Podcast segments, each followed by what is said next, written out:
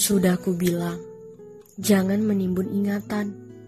Jika ia menggunung, nanti dikau hanya lelah mendaki kenangan. Lalu, tersandung di dekap rindu.